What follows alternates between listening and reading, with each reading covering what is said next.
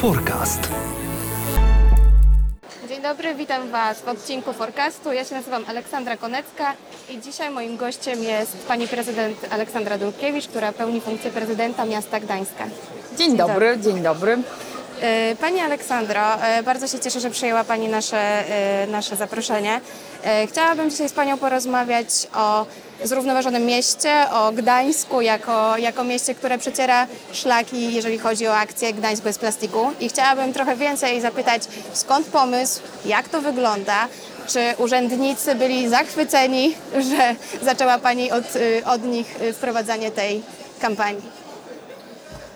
Gdańsk bez plastiku to y, wyzwanie, które chyba na, podstawiając nazwę każdej polskiej, nie tylko polskiej miejscowości, gdybyśmy do tego hasła podstawili, pewnie by było różnie przyjęte. Y, Natomiast ja bardzo głęboko wierzę w to, że jeżeli chcemy przekonywać do czegoś innych, to musimy zacząć od siebie. I stąd też y, no, Cieszę się, że u Pani woda jest w szklanych opakowaniach, ale w naszym urzędzie już y, prawie rok mamy wodę y, i to z kranu, wodę w szklanych y, butelkach, w szklanych pojemnikach, do tego, do tego szklanki. Staramy się korzystać z ekologicznego papieru i oczywiście jak najmniej, jak najmniej drukować.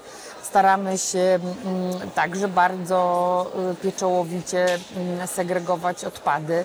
To są wszystko małe kroki, ale które y, każdy, każdy z nas, będąc troszeczkę bardziej świadomym, może wdrażać. Także kampania Gdańsk bez plastiku to y, zestaw 10 przykazań, które staramy się popularyzować poprzez różne akcje edukacyjne, zarówno w szkołach, bo wierzę, że najmłodsze pokolenie mm, najbardziej może wchłonąć te różne informacje i też chyba jest coraz bardziej świadome. Ja sama mam 12-letnią córkę i urządzili trochę w szkole bunt, ich cała klasa, że nie będą spożywali obiadów, jak będą przyjeżdżały w styropianowych pojemnikach. Więc y, mam wrażenie, że ci najmłodsi mieszkańcy naszych y, miast, miejscowości y, są w stanie zrobić jak najwięcej. My szerokim e, frontem staramy się tłumaczyć, dlaczego określone zachowania są ważne, dlaczego określone zachowania są lepsze. Także z naszą e, spółką, która mm, prowadzi e, zakładem utylizacji, y, czyli zakładem, gdzie trafiają odpady z całego miasta. Przeprowadziliśmy taki ala Big Brother. Mm, Wybraliśmy w castingu mm, cztery czy pięć rodzin, bardzo różnych, od rodziny składającej się z seniorów i zwierzęcia, po rodzinę z dziećmi małymi, po rodziny wielodzietne.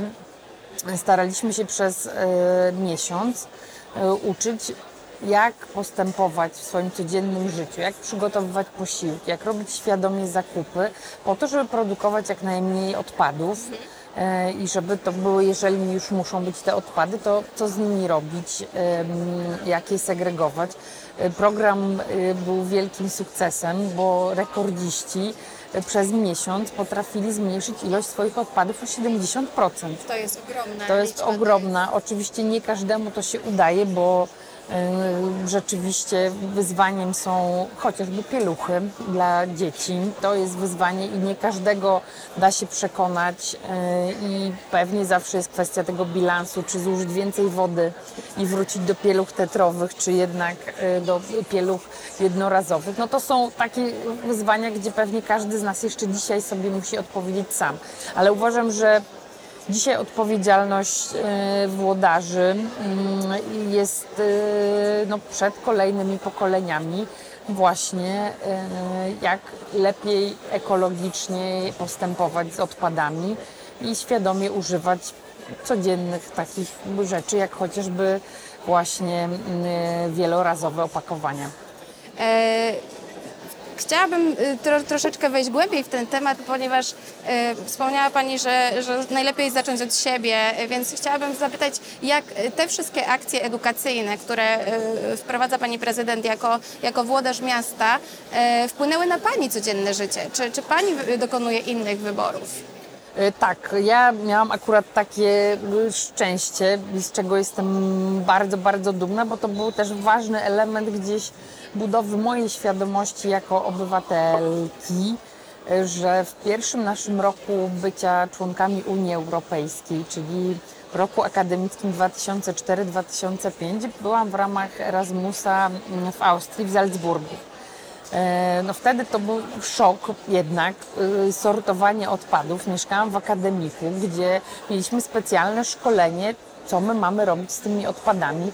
Mieszkaliśmy mm, z studentami z bardzo różnych krajów i z Europy Wschodniej, Środkowej i z Zachodniej, ale też te systemy sortowania odpadów wszędzie są inne. I kiedy Wróciłam e, po tym roku do Gdańska, to już powoli zaczynała e, się rozmowa na temat tego, że jednak e, powinniśmy sortować odpady. Wtedy to było dobrowolne, zaczęły się stopniowo pojawiać pojemniki na szkło, na plastik, na, na papier. I, I to był jeden z pierwszych takich zmian w moim życiu. Druga, bardzo ważna, to jednak torby wielorazowego użytku dzisiaj już chyba e, będące codziennością, bo nikt z nas nie lubi płacić za opakowania i tak naprawdę chyba dopiero decyzja, e, decyzja o tym, że wprowadza się odpłatność za, mm, za tak zwane reklamówki zmieniła nasze życie, ale w mojej torbie zawsze jest e, torba płócienna na, na zakupy, w bagażniku mam też ich kilka.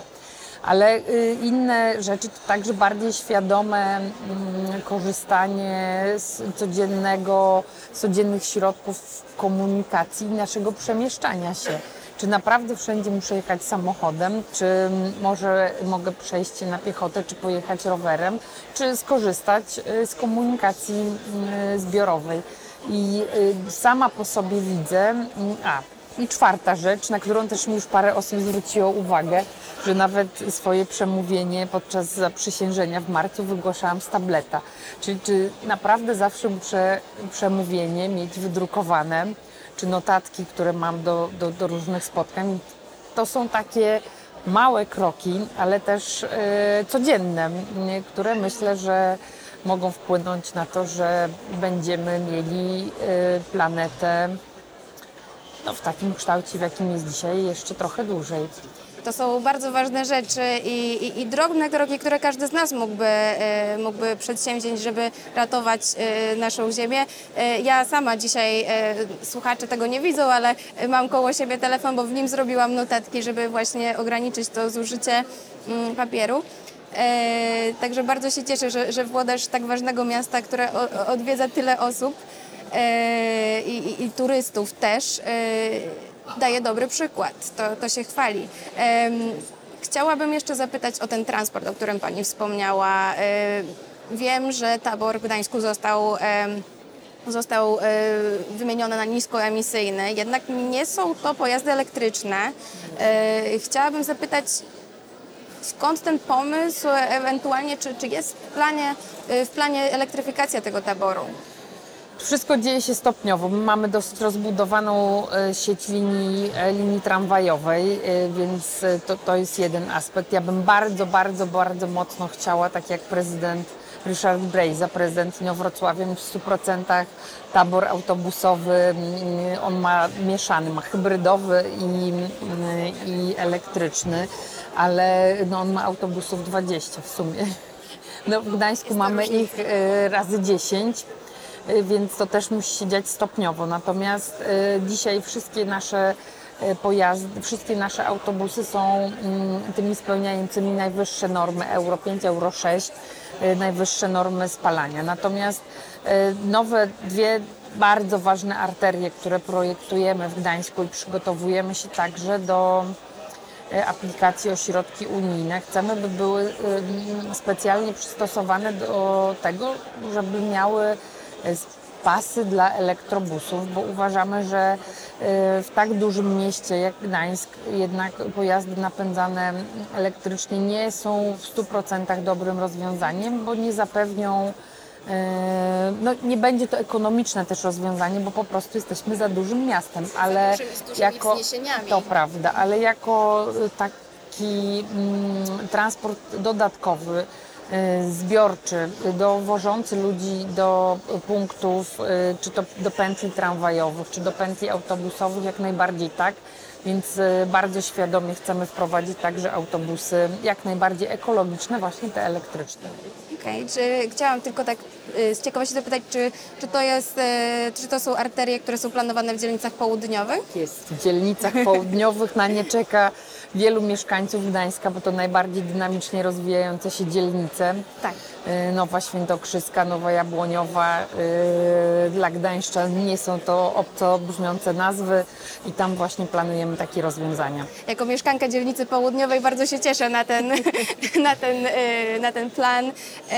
Będziemy kończyć rozmowę. Bardzo Pani dziękuję. Dziękuję pięknie. Cieszę się, cieszę się, że mogłam porozmawiać i życzę wszystkiego dobrego dla Gdańska i samych dobrych i takich inicjatyw proekologicznych. Bardzo dziękuję, ale bez współpracy z mieszkańcami to się nie uda. To prawda. Dziękuję. Dziękuję. Forecast.